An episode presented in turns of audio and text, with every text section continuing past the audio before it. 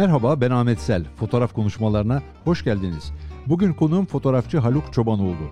Birlikte pandeminin fotoğraf üretim süreçlerini nasıl etkilediğini, bu etkilerin kalıcı izler bırakıp bırakmayacağını, insanların neden hala fotoğraf çekmeye devam ettiğini konuşacağız.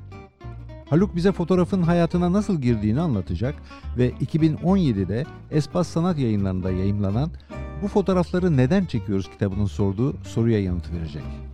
Haluk merhaba, ne var ne yok? İyidir işte. Demin e, kişisel sohbetimizde de aktardığın gibi gri, geleceksiz, tuhaf günlerde yaşıyoruz. Umutsuz değilim ama çok da tarif edilemez bir zaman diliminde yaşadığımızı belirtmek lazım. Ya şöyle bir zaman dilimi bu virüs meselesi dünyanın geleceğini de etkileyecek gibi gözüküyor. Aslında bir takım kaynaklara başvurulduğunda geçmişte benim babam bir sağlık görevlisi. Dolayısıyla doğal bir merakım da var şey olan bitene.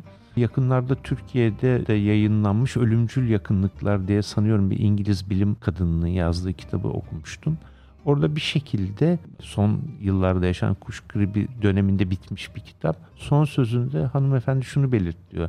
Gördüğünüz fragmandı diyor. Asıl film şimdi başlayacak. Asıl film şimdi başlayacak gibi bir şey. Biz bunun fotoğrafla bağlantısını kurarsak pratiklerde bir şey değişecek mi?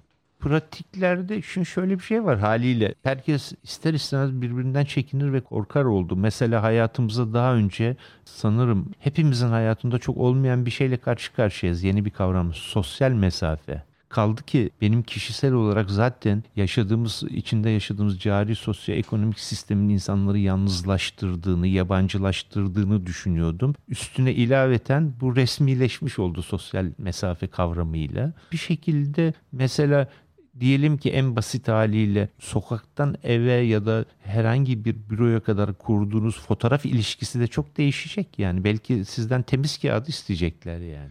Ben bunu kendi fotoğrafçı yaşamımda zaten görüyorum hemen her gün. Ben portre çeken bir insanım doğal olarak insanların evlerine ya da iş yerlerine gidiyorum hayatlarıyla ilgili portreler çekmek için ve hakikaten de son dönemde karşılaştığım sorun gelmeyin çünkü evet. çekiniyoruz, endişeliyiz. Pandemi döneminin geçmesini bekleyelim. İnsanlar hakikaten başkalarıyla bir araya gelmekten hele bir fotoğrafçıyla tanımadıkları bir insanla bir araya gelmekten oldukça çekiniyorlar. Bu ciddi bir şey. Üniversitede ders veriyorsunuz. Hı. Bu konuda konuşuyor musunuz öğrencilerle? Şöyle çok birebir e, aslında iyi oldu bu konuyu açtınız. Geçen dönemde bu olay patlak verdiğinden beri beri dünyada ve Türkiye'de yerli ve yabancı öğrencilerin olduğu sınıfları okutuyorum ben. Arkadaşlarımıza korona portreleri diye 12 fotoğraftan oluşan bir fotoğraf serisi. Her nereler iseler. Çünkü bazıları kendi memleketlerinden gelemediler. İşte online katılıyorlar zaten dersler online söylemeye gerek yok. Çok zorlandıklarını söylediler dışarıda. İnsanlar tabii Türkiye özelinde sadece hastalık değil ki bir şekilde geçim sıkıntısına da düştüler yani. Mekanlar kapandı, burun sahiplerinden tutun en ufak çalışanına kadar ekonomik sıkıntıları. İnsanların canı burunda siz onların fotoğrafını çekmek istiyorsunuz. Bu haliyle bir gerginlik yarattı. Dolayısıyla bunun uzun etkisi ne kadar sürebilir ben onu tahmin edemiyorum. Umarım korkutulmuyoruzdur da bu mutasyon meselesi de çok başlı başına bir sorun. Bütün bunlar insanların cebinde olduğunda fotoğraf çekenle fotoğrafı çekilen arasındaki ilişki de bir takım değişikliklere uğrayabilir diye düşünüyorum. Kendi fotoğrafçı pratiğinde bunu yaşıyor musun? Açık söyleyeyim derslerin online olmasından sonra daha önce öğrencilerimle dışarı çıkar ve bir pratikte bir şeyi paylaşırdık. Şimdi çıkamıyoruz haliyle dersler online olduğunda o akademik olarak söylediğimde Hani dışarı çıktığımda öğrencilerle herhalde daha zorlanırız insanların fotoğrafını çekmeyi konusunda. Bu bir. İkincisi ben nedense bu dönemi daha kendi pratiğimde okuyarak yazarak değerlendirdim. Çok e, itiraf etmem gerekirse çok fotoğraf çektiğim bir dönem değil ama dışarıdaki gerginliğin farkındayım yani. Gelen fotoğraflardan ben olmasam da çekenlerin fotoğraflarından Özellikle biliyorsunuz çok bir akım olarak sokak fotoğrafçılığı Instagram'da ya da sosyal medyada çok paylaşılabilen bir şey haline geldi. Medium haline geldi.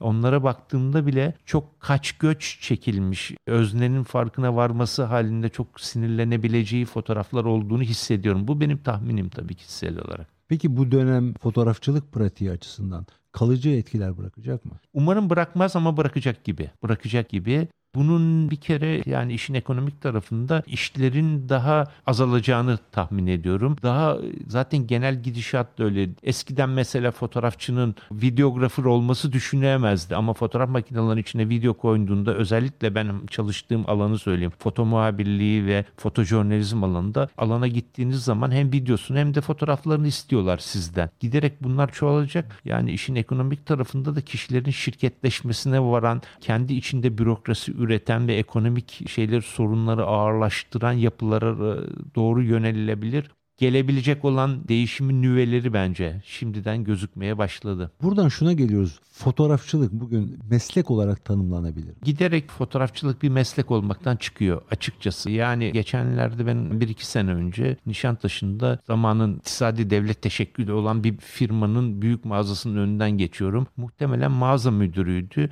dışarıdan küçük bir makineyle bir de cep telefonuyla mağazanın dışarıdan fotoğraflarını çekiyordu. Belli ki bu e, belli bir mecrada kullanacak. O anda bir fotoğrafçının işini kaybettiğini düşündüm. Anlatabiliyor muyum? Mesela eskiden daha benim 15-20 sene önce mimari fotoğraflar ve fabrika fotoğrafları, sanayi fotoğrafları çekerek geçindiğim dönemdi.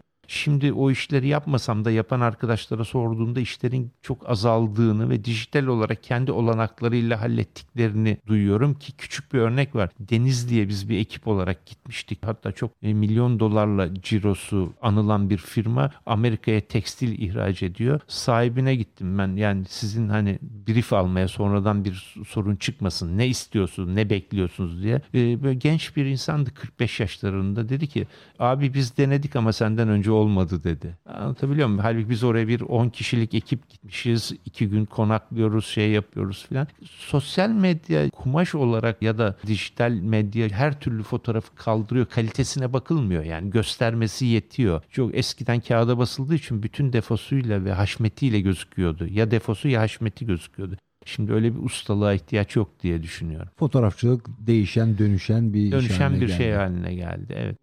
İnsanlar fotoğraf çekmeye devam ediyorlar. Herhangi bir maddi karşılığının olmadığını bile bile fotoğraf çekmeye devam ediyorlar. Hatta kitap yapıyorlar. Kitap yapıyorlar bir de para kaybediyorlar Tabii. bunun üzerine değil mi? Borçlanıyorlar. Peki insanları fotoğraf çekmeye yönelten ihtiyaçlar neler? Yani şimdi tabii herkesin başka bir gerekçesi olabilir ama ben şey için söylüyorum. Hayatın kendisi çok provokatif, uyaran yani. Onu da ben bir e, dilime pelesenk ettim. Herkesin bunu şimdi anlatacağım şeyi bir şekilde herkes için kendi uyaranı var dedim ya. Said çok meşhur bir hikayesi var harita bir nokta diye. Bu hem bir yaşamı var Avrupa'da ve Türkiye'de. Bir süre sonra hem sağlık sorunları hem de biraz hiçlik sorunundan dolayı Burgazada'ya yerleşir. Artık bir şekilde balıkçı gibi yaşamak istemektedir. O gece yatar uzanır bakar karşısında bir harita var. Haritada Burgazada bir nokta şeklinde gösteriliyor ki hikayenin isminde o haritada bir nokta zaten. Sabahleyin kalkar balıkçı teknelerini gözler. Balıkçı tekneleri o gün bol avla geri dönmüşlerdi. Bir takım insanlar da ona yardım ederler. İşin raconunda genelinde böyle bir şey olduğunda balıkçılar yardım edenlere pay verirler. Fakat o gün birine çok kötü davranırlar. Adamı hakir görürler. Adam da boynu bükük oradan ayrılır. Said Faik de bunu bir kahveden uzaktan izlemektedir. Kalkar koşar bakkala bir kağıt kalem alır yazmasam delirecektim der. İşte bu aslında hepimizin hikayesi. Bir şekilde uyarılanlar o ya da bu şekilde yollara düşüyorlar ya da sokağa kendilerini atıyorlar. Kimisi için meditasyon bile olabilir. Yani benim devlet memuru arkadaşlarım var. Çok başarılı iyi işler de üretiyorlar. Meditatif bir etki yarattığını söylediler mesela. Herkesin çeşitli gerekçesi var bu. Kimisi de şey olarak düşünüyor. Görsel tarih yazımı olarak düşünüyor bunların. E, arabayı düşünürsek geri dönüp Aragüler'i iyi ki İstanbul'u bir konu haline getirmiş. Ben ilk tanıdığımda arabaya şunu söylemiştim. Türkiye'nin görsel tarihinin üzerinde oturuyorsunuz. Eğer o çekmemiş olsaydı birçok şeyden mahrum kalacaktık. Doğru mu? Bu böyle. Peki şimdi bu Instagram'ın çok yayılması, milyonlarca fotoğrafın önümüze boca edilmesi her gün. Diğer mecralarda da tabii çok fotoğraf görüyoruz. Yani çok fotoğraf fotoğrafı öldürmüyor. Yani çok enteresan bu. iki ucu kirli değnek bir tarafıyla da çok daha fark edilesi iyi fotoğraf ya da daha sağlam fotoğrafları yüceltip bir yere koyarken diğer taraftan da gerçekten aşındırıyor yani. Hani bu budur diyemiyorum terazinin iki kefesi var. Zaman zaman bir tarafı ağır geliyor, zaman zaman bir tarafı ağır geliyor. Yani kim zaman çok öldürücü etkisi olduğunu düşünüyorum. Diğer taraftan da dolaylı olarak o negatif etkinin başka bir şeyi pozitif olarak parlattığını düşünüyorum yani. Evet bir mecra sorunu var. Dijital çok hakim ve sürükleyici bir sel halini aldı. Ama onun dışında halen üzerinde konuşulası, karşısında durulası ve zaman geçirilesi hem sanatsal hem felsefi olarak çok değerli fotoğrafların üretildiğine inanıyorum. Bugün Türkiye'de böyle bir üretimden söz edebiliyor muyuz? Kişisel olarak bu üretim var Türkiye'de olduğuna inanıyorum ben. Çok eski kuşaktan ve yeni kuşaktan genelde kuşak çatışması olarak bir şeye inanmam. Yani ben inandığım şey üretim ve bunun tarihi yani yaratıcılığın tarihi. Eski kuşakta da yeni kuşakta da çok değerli arkadaşlarımız var. Peki bu arkadaşlar mecra bulabiliyorlar mı yaptıkları işleri göstermek Zor. için? Ya asıl sorunlardan bir tanesi de bu zaten. Zor. Şöyle bir şey. Orada da şöyle bir kendi içinde sıkıntı yaşandı biliyorsunuz. Bu fotobook meselesi var ya. Arkadaşlar şey yapabilmesi için e, self publishing kendi yayınlarını oluşturmaya başladılar. Bu örneklerden bir tane ben de yaptım son dönemde ama o biraz daha başka bir tavırla yapılmış bir şeydir fotobook festivallere gidildiğinde orada da bir sel olduğunu gördük aynı dijital şeyde de. Yani ben en son bu fotobook festivallerine gidiyorum. Arkadaşlarımızın çok değerli çapası var. Üretenlerin ve düzenleyenlerin. Kesinlikle onlara karşı bir şey söylemek istemiyorum ama geri dönüp eve geldiğimde aklıma kalan bir iş ya da iki iş ancak olabiliyordu. Anlatabiliyor muyum? Çok biraz günümüzün yaratıcılarının hızla bir sorun var. Eskiden biz sabır derdik, şimdi daha hızlı olmak önermesi çok daha gündemde. Dolayısıyla hızın işin niteliğini ve kalitesini öldürdüğünü düşünüyorum ben. Bu konuları sen Bahçeşehir Üniversitesi'nde ders veriyorsun. Hı hı. Fotojurnalizm hı hı. dersi veriyorsun. Editorial fotoğraf. Editorial fotoğraf dersi veriyorsun. Bunu öğrencilerle konuşuyor musun? Zaman zaman ama kabul etmemiz lazım ki şu konuşmanın temel olan şeyler artık master class oldu. Yani daha yüksek lisans seviyesinde ya da doktora seviyesinde. Çünkü benim kişisel görüşüm burada eskiye dönüp baktığım zaman bütün eğitim sistemiyle ilgili konuşuyorum bir okul özelinde değil yanlış anlaşılmasın. Liselerdeki seviyenin eğitim seviyesinin çok gerilediği kanaatindeyim. Benim de lisede okuyan oğlum var. Eskiden biz daha bu konuları konuşmaya hazır felsefi ya da işte mantık sosyoloji dersleri, eğitimleri almış, ona göre tarih, edebiyat dersleri okumuş ya da benzer derslerden çok iyi eğitilmiş olarak geliyorduk. Şimdi liselerdeki her şey test temelli oldu. Yani bir üniversiteye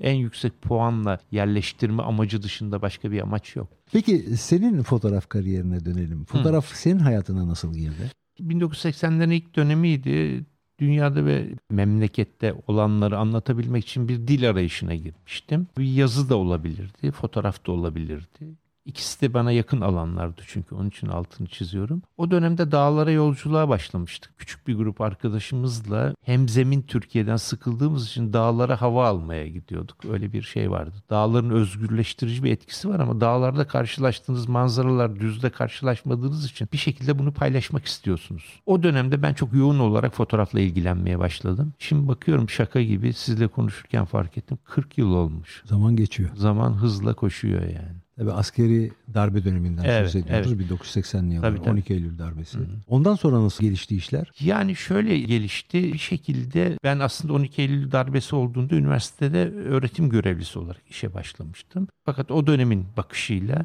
şimdiki belki de KYK'lara benzetilebilir bir şekilde üniversiteden çıkarıldık. Bir şekilde dava açma meselesi de engellendiği için daha sonra ben hayatta kalabilmek ve kendime dair işleri üretebilmek için ucundan da olsa reklamcılık tayfasına katıldım. Orada direkt fotoğraf üretmesem bile fotoğraf prodüksiyonlarının olduğu şirketlerde çalışmaya gayret ettim. Bir tanesi şimdi ismini vermeyeceğim çok büyük şirketlerden bir tanesi Fransız ortaklığı. İşte Renault'un filan e, büyük prodüksiyonları yapılırdı. Arabalar filan burada çekilirdi. Daha sonra 90'lı yılların ortasına gelmeden önce bir İngiltere'ye taşındım. Bir yıl İngiltere'de yaşadım. Orada fotoğrafla ilgili bir eğitim aldım. O çok etkileyici bir hocaydı. Birebir çalışma olanağımız olmuştu. Ondan sonra artık dedim ki benim hayatımda fotoğraf birinci iş olmalı. 94'ün sonunda da Amerika'ya taşındık eşimle beraber. Orada önce biraz Amerika'nın taşrasında zaman geçirdim. Amerika'yı anlama gerçekten Amerika'nın pastoral Amerika'nın, gerçek Amerika'nın ne olduğunu, şimdi insanlar onun ne olduğunu bir şekilde Trump döneminin sonuyla da çok anladılar. Gerçek Amerika'nın başka bir yüzü olduğu meselesi açıkça görülmüş oldu. Orada bir zaman geçirdim. Sonra New York'a taşındım. Orada bir arkadaşımın vasıtasıyla Dolayısıyla International Center of Photography'de yarı zamanlı işler yapmaya başladım. Yarı zamanlı çalışmaya başladım. Bunun maddi bir karşılığı yoktu. Karşında kurs alabiliyordum orada. Dünyanın çok seçkin bilinen, ismi bilinen fotoğrafçıları gelip kurslar veriyorlar. O da benim için çok özel bir dönem oldu. Yani fotoğrafın uluslararası alandaki bir cazibe merkezinde çalışmak. Yani bir dönüm noktası oldu Dönüm noktası oldu benim için. Ama bir yandan da şöyle çelişik bir şeyi yaşamaya başladım.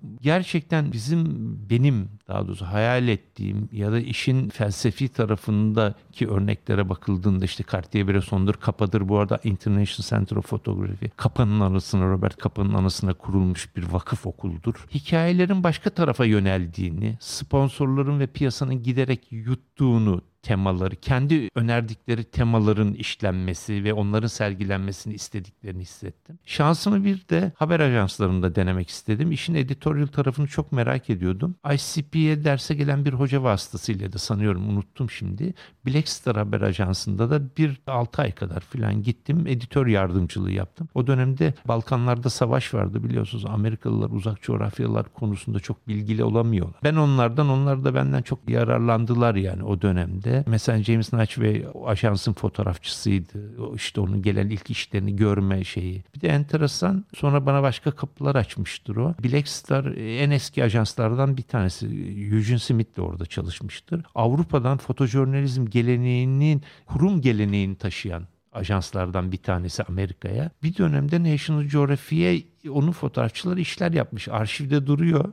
Yani siz bütün şeyleri görebiliyorsunuz. Yayınlananı, yayınlanmayanı. Siz de editörlük yaptınız onu biliyorsunuz. Önünü arkasını. Biz de işte malum kontak geleneğinden geldiğimiz için hikayenin tamamını görebiliyorsunuz yani. Çünkü fotojurnalizm, haber fotoğrafçılığı sonuçta belgesel fotoğraf. Tek fotoğraf üzerine kurulu bir yapı değil. Hatta şöyle bir yapıda değil. Tek başına fotoğraf ayakta durabilecek bir bina değil. Sosyoloji var içinde, tarih var, edebiyat var, sanat tarihi var, ekonomi var. Dolayısıyla bütün bunlar benim daha netleşmemi sağladı ama bir yandan da ruhen o yapılardan uzaklaşmama, kendi hikaye anlatıcılığıma, daha müzevi bir bakışa e, dönmemi sağladı diye düşünüyorum.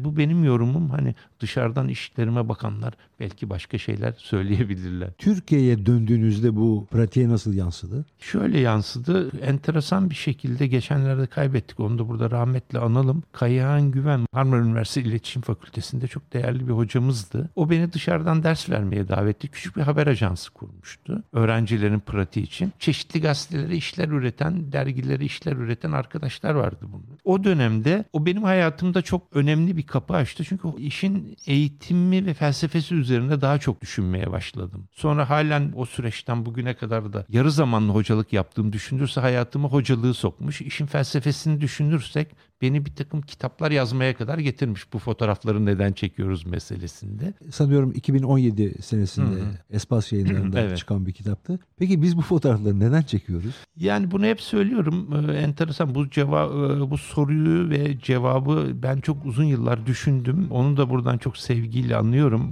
Hayatta ve onunla da ilgili benim çok sevdiğim bir arkadaşım güzel bir nehir söyleşi yaptı. Yakında yayınlanır diye umuyorum. Anders Petersen bir dönemde Türkiye'ye çok yoğun geliyor gelirdi. Bir akşam Asmalı Mescid'de bir meyhanede oturuyoruz. Benim arkadaşlar da var. Aniden neden fotoğraf çektiğimi sordu. Bu fotoğrafları neden çekiyoruz değil de neden fotoğraf çektiğimi sordu. Ben birden toparlanıp bir şey söyleyemedim. Yani çok aniydi, düşünülmemişti. Ya dedim peki siz neden çekiyorsunuz? Yani ben soru sordu tam fotoğraflar çekiyorum dedi. Yıllardır ben onun üzerine düşünüyorum. Sonra kitapta da belirttiğim gibi Werner Bischoff'un bir Meji Tapınağı'nda yürüyen keşişler fotoğrafından başlayan bir fotoğraf öyküm var benim. Bir süre sonra şeyi fark ettim. Uzun yıllar sonra sonra.